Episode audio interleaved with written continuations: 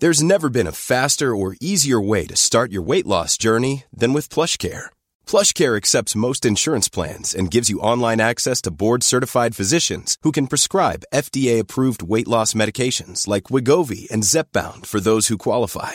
Take charge of your health and speak with a board-certified physician about a weight loss plan that's right for you. Get started today at plushcare.com slash weight loss. That's plushcare.com slash weight loss. plushcare.com slash weight loss. Halo pendengar GGMI Podcast, baik lagi bersama kita berdua dan masih dalam suasana FIFA friendly match di mana tidak ada pertandingan ya di akhir pekan lalu dan baru ada nih di akhir pekan depan karena semua negara ya sudah menyelesaikan match kedua rata-rata di mana beberapa Ya. juga ada yang terlibat aktif. Kita akan bahas juga nanti sekilas, tapi kita mau bahas satu buah rumor yang menurut gue sangat hangat ya dan ini menjadi salah satu rumor yang eh, cukup gua nanti-nantikan karena striker ini kan adalah posisi di mana MU akan bidding nih siapa pun yang akan datang tapi gue yakin dia pasti akan ada di musim depan gitu kan. Nah, sekarang tiba-tiba muncul nama yang quote unquote mungkin nggak terlalu familiar ya, yaitu adalah Mhm. Rasmus Højlund. Gue nggak tahu nih salah bener, bener ya. Eh, Hojlun, Hojlun. Højlund.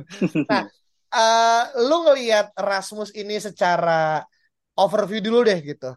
Eh, 20 tahun eh, negaranya Denmark ya kalau nggak salah ya dan dianggap dicap sebagai the next Haaland gitu kan. Yang mana Haaland juga belum pensiun gitu, tapi udah the nextnya gitu. Nah, lu ngeliatnya gimana nih Rasmus ini sendiri, Ung? Rasmus, em, ini menarik sih karena eh, musim lalu ya, musim lalu kita bahkan bingung eh, kita mau beli striker yang mana gitu karena kan secara market sangat sepi ya.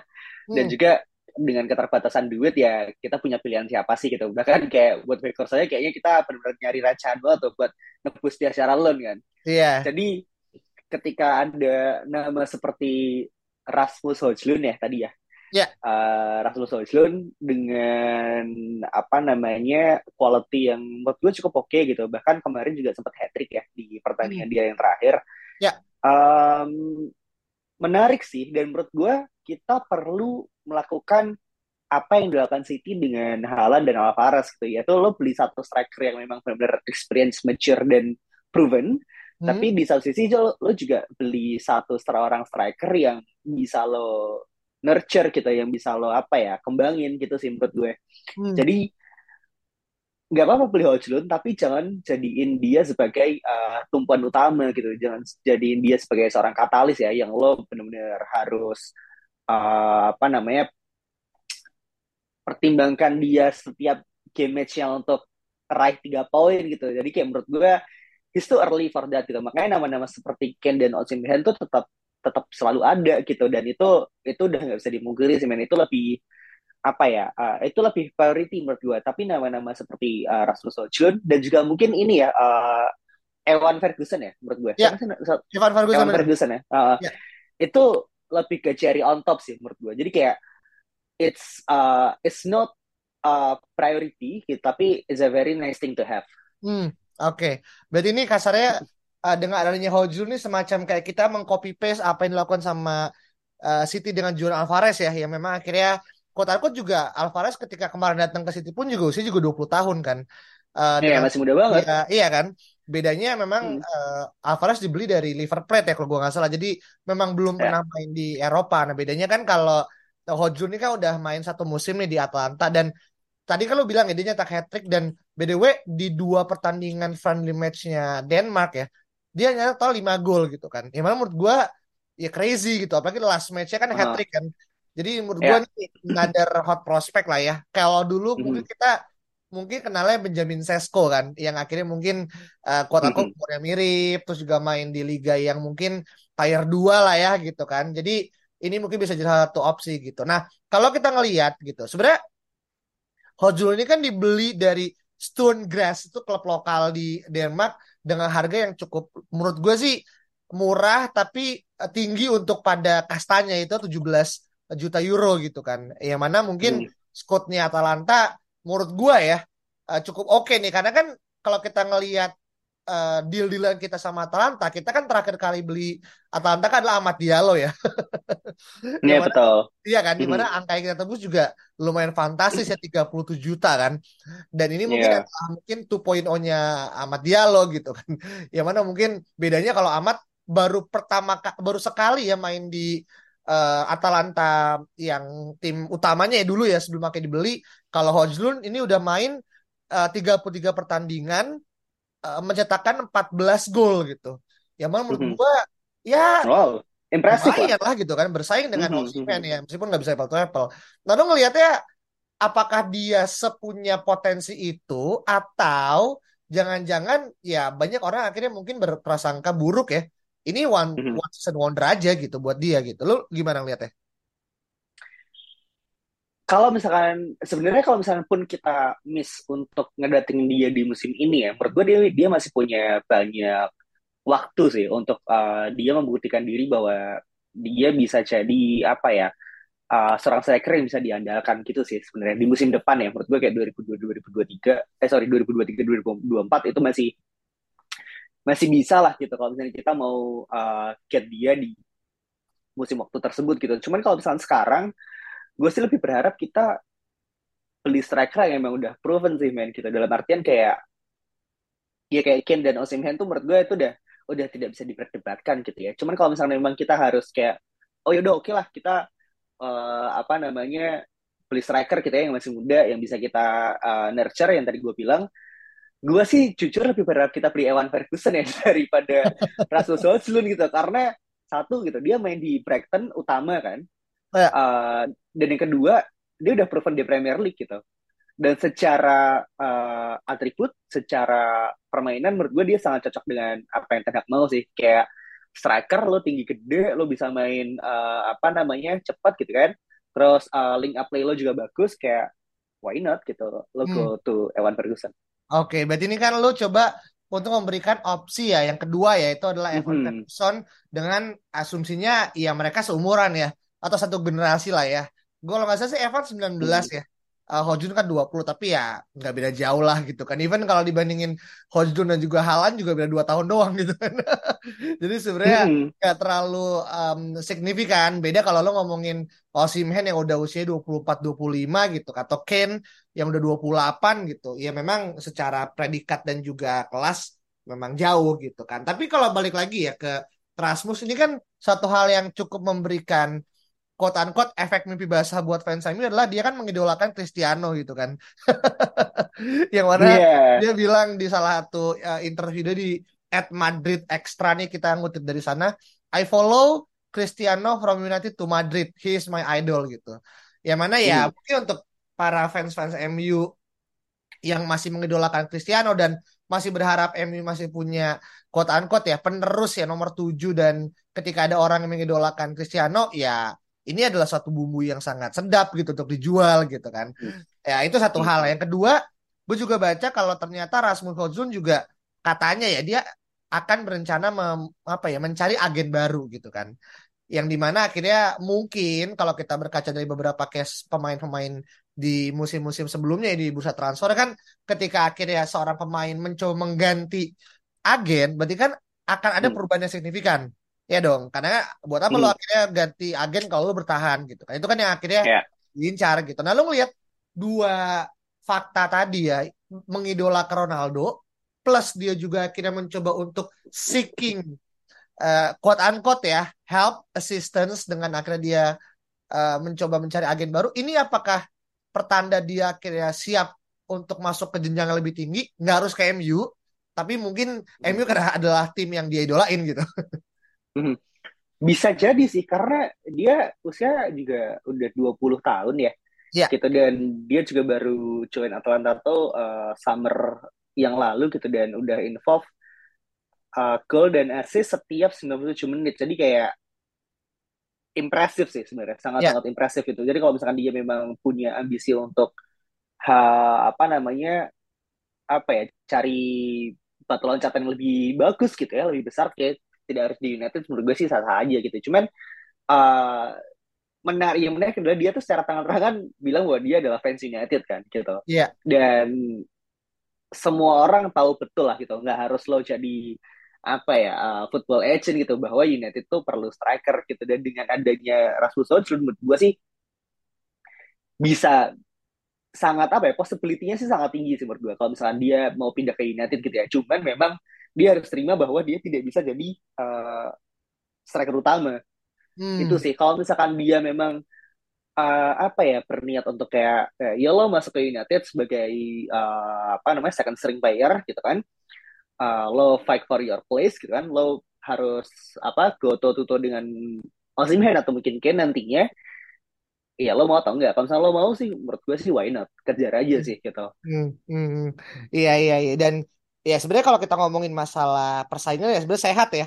Karena kan juga gue yeah. sangat juga ketika melihat suatu apa ya quote unquote pemain yang ada kan dia juga objektif ya.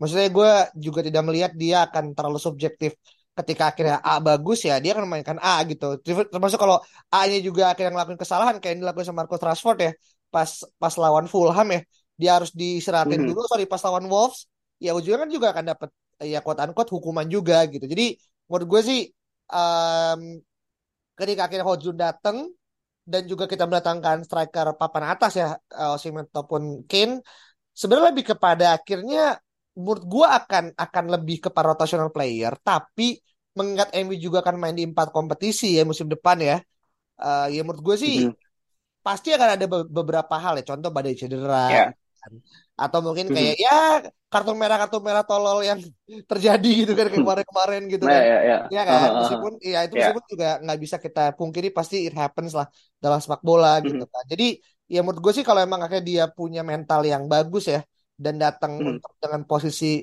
untuk men-challenge status quo yang akhirnya ada dan dia ngerasa ini adalah apa ya quote unquote sweet spot untuk dia bisa mencoba mencari keuntungan hmm. sih why not gitu tapi ya tetap yeah pasti semua fans MU berharapnya MU akan mengeluarkan uang terbesar kalau kita ngomongin kue nih kuenya MU ini akan dikasih untuk striker gitu. Ya kan? Betul. yang mungkin midfielder udah gitu kan. Eh, dan yang ketiga barulah kita ngomongin CB RB betul. GK dan segala macam gitu. Tapi hmm. mungkin gini uh, sebagai suatu concern ketika akhirnya tipikal kayak Hojlund ataupun Evan Ferguson lah ya kita anggaplah mereka dalam konteksnya sama ada ketakutan bahwasanya itu akan mematikan uh, youngsternya MU kan. Karena kan uh, kita juga habis mendatangkan uh, Charlie McNeil ya dari uh, City gitu kan. Dan ada beberapa beberapa pemain striker MU yang memang akhirnya sekarang sedang struggling nih untuk akhirnya bisa uh, mencuri spot gitu. Kayak ada Joe Hugill juga gitu. Yang mana akhirnya apakah ini akan membuat fondasi uh, pemain muda MU akan quote unquote ya tergeser dengan adanya ya, tadi ya uh, masif transfer budget ya unlimited bahkan kalau orang bilang karena Qatar mungkin akan quote unquote menang gitu. Atau lu ngeliatnya ya memang sepak bola kan penuh dengan suatu hal yang sifatnya persaingan Ung? Menarik sih karena ini semua justru tergantung dengan siapa yang keluar kan nantinya. Ya. Dan kalau misalkan ini ini dengan gue ya, ya. gue sih menilai Weghorst kayaknya nggak akan dikontrak secara permanen gitu kan okay. dengan apa yang sudah dia uh, apa namanya kontribusiin ya gitu setelah yeah. selama sepanjang Januari sampai sekarang dan Martial menurut gue juga dia terlalu injury prone menurut gue untuk Ten Hag jadi kayak dia bukan seorang striker yang lo bisa andelin secara week in week out gitu ya selama 40-50 match dalam semusim gue rasa itu mustahil nih. Jadi kalau misalkan dua striker ini cabut, otomatis kita harus datengin dua striker lagi kan, gitu. Yaitu hmm. ya uh, apa namanya salah satu dari Kane atau Simhen, dan yang kedua ada striker muda gitu yang lo bisa andelin dia di uh, waktu-waktu uh, yang baik gitu ya, waktu yang oke okay, kayak misalkan uh, di cup atau mungkin di uh, apa namanya liga-liga yang jadwalnya kayak tae gitu ya. Dan yang satu Charlie McNeil juga bisa naik gitu. Karena secara usia gitu secara age gap dengan mungkin Evan Ferguson atau mungkin Rasmus Højlund dia kan sebenarnya nggak jauh-jauh banget men gitu. Ya. kayak lo bisa lihat karena Cho juga bisa uh, tembus kan gitu. Dan bersaing dengan Sancho dengan Rashford dengan Anthony bahkan. Jadi kayak gak ada nggak mungkin sih. Cuman ya kembali lagi gitu siapa yang nanti akan cabut? Kalau misalkan dua-duanya akan cabut gitu Weghorst dan Martial akan cabut sih menurut gue everything is possible sih dan Charlie McNeil tetap akan punya uh, karir ya di United. Hmm, I see. Berarti ini kasarnya emang pasti akan ada yang keluar dan tadi lu nyebut satu nama yang Mhm, mungkin ya ada beberapa pendengar GGMU yang mungkin agak kontra nih mhm, menyebut kata Wout Weghorst gitu kan dan mungkin bisa jadi mhm. ya gue membayangkan nih agak sedikit sarkas ketika misalkan Wout Weghorst nggak diperpanjang mungkin dia akan ngebuat IG story terus kan lucu gitu Atau ya YNWA Iya, sambil nepok ini apa namanya plafon Anfield. Iya, mungkin orang-orang yang paham konteksnya lucu eh, tahu lah itu refer ke mana Uh, gitu kan. Cuman maksud gue ini jadi suatu pertimbangan karena kan emang dianggap Weghorst kan quote unquote ya. Kalau memang akhirnya kita bisa eh, mungkin melaju sampai tahapan final di FA dan juga kita bisa masuk ke final di Eropa juga gitu. Menurut gue, gue nggak tahu ya apakah Tenak juga sesentimental itu gitu untuk akhirnya mempertahankan Weghorst di mana ketika Weghorst bertahan, Martial cabut dan gue sih berharap Elangga cabut ya. Karena memang dia udah hmm, ya out of pick lah gitu kan. Dan dua hmm. striker masuk ya mungkin bisa jadi Weghorst akan jadi pilihan ketiga gitu. Atau ya Weghorst akan memilih peran yang baru nomor 10 gitu. Yang akhirnya sekarang ditempati sama Fernandes gitu kan.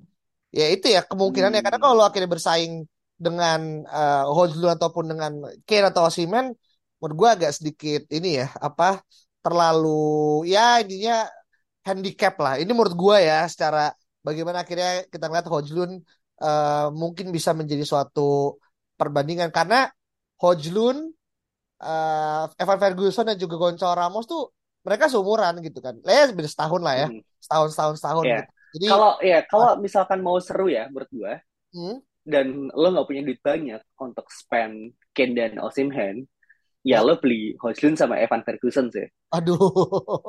Lo langsung beli dua dan tiap mereka main, tiap mereka dikasih kesempatan, mereka pasti akan all out man gitu. Karena semua apa ya, setiap masing-masing dari orang ini kan pengen punya tempat di starting line up kan gitu. Iya.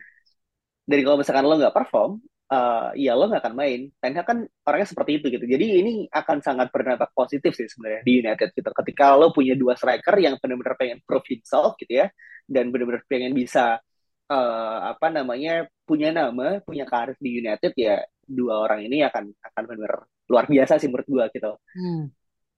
Hmm, oke. Berarti kasarnya ketimbang 80 juta untuk satu pemain, mendingan lu keluarin let's say 50 ya untuk kakek dua main karena gue lihat juga nih di apa Mhm. transfer market harganya yang dipatok sama Atalanta ya untuk Hojlund itu di angka dua Mhm. puluh tiga sampai 31 juta euro gitu. Muset, Sama- receh banget.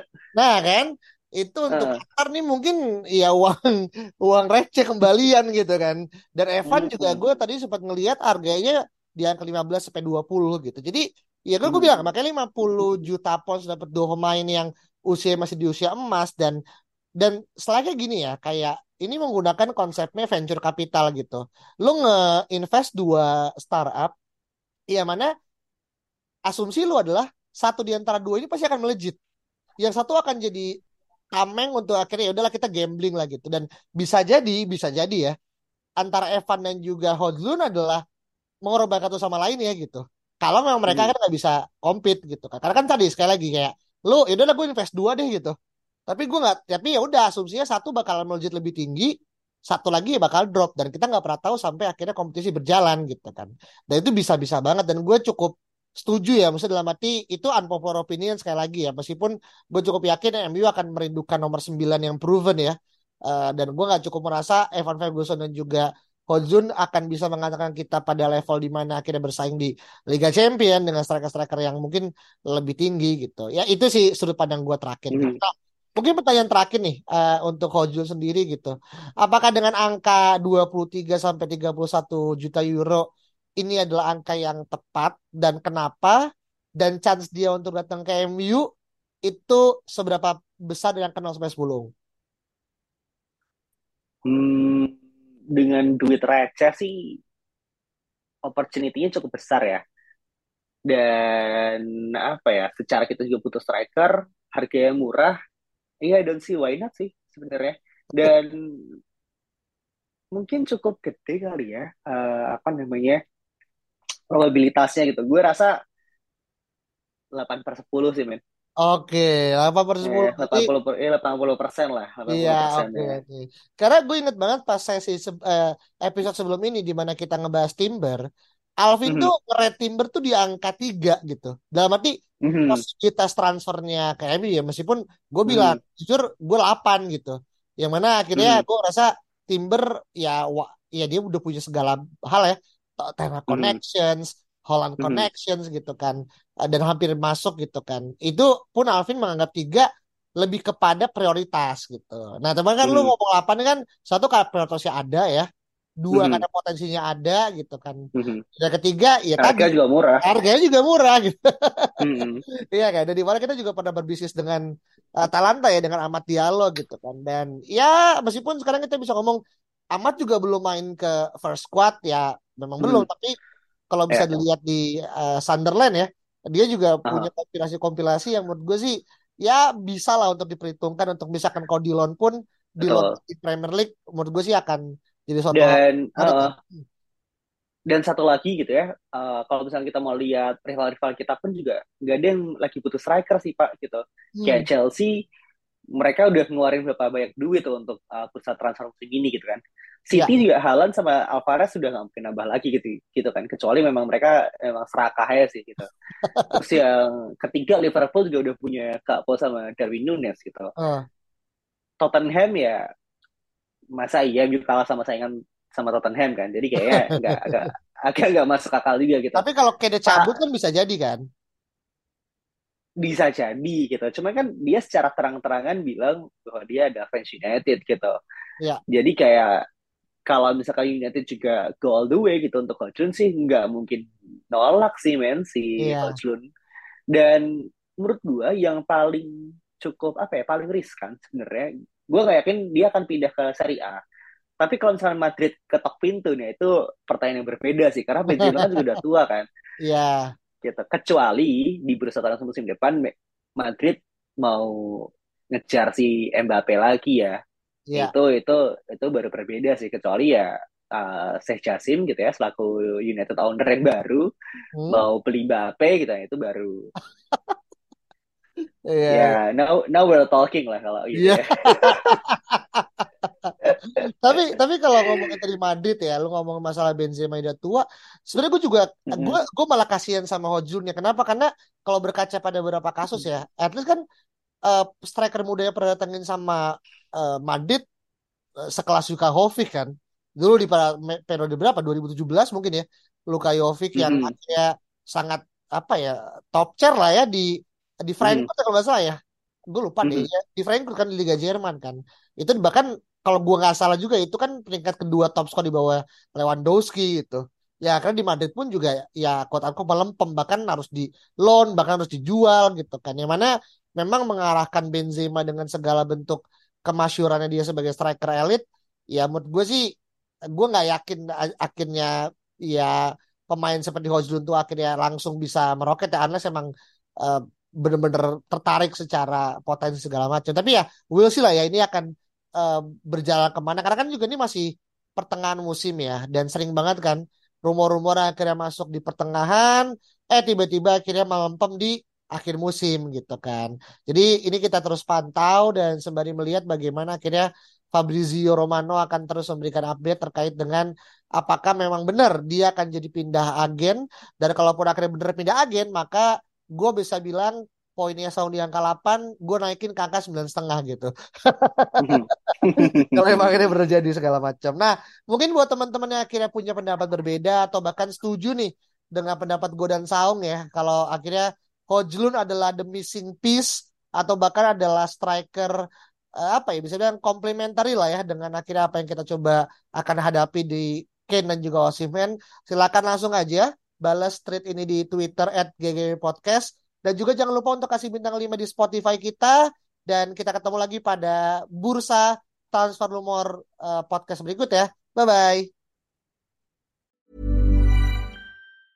Mom deserves the best, and there's no better place to shop for Mother's Day than Whole Foods Market. They're your destination for unbeatable savings, from premium gifts to show-stopping flowers and irresistible desserts. Start by saving 33% with Prime on all body care and candles. Then get a 15-stem bunch of tulips for just $9.99 each with Prime. Round out Mom's menu with festive rosé, irresistible berry chantilly cake, and more special treats. Come celebrate Mother's Day at Whole Foods Market.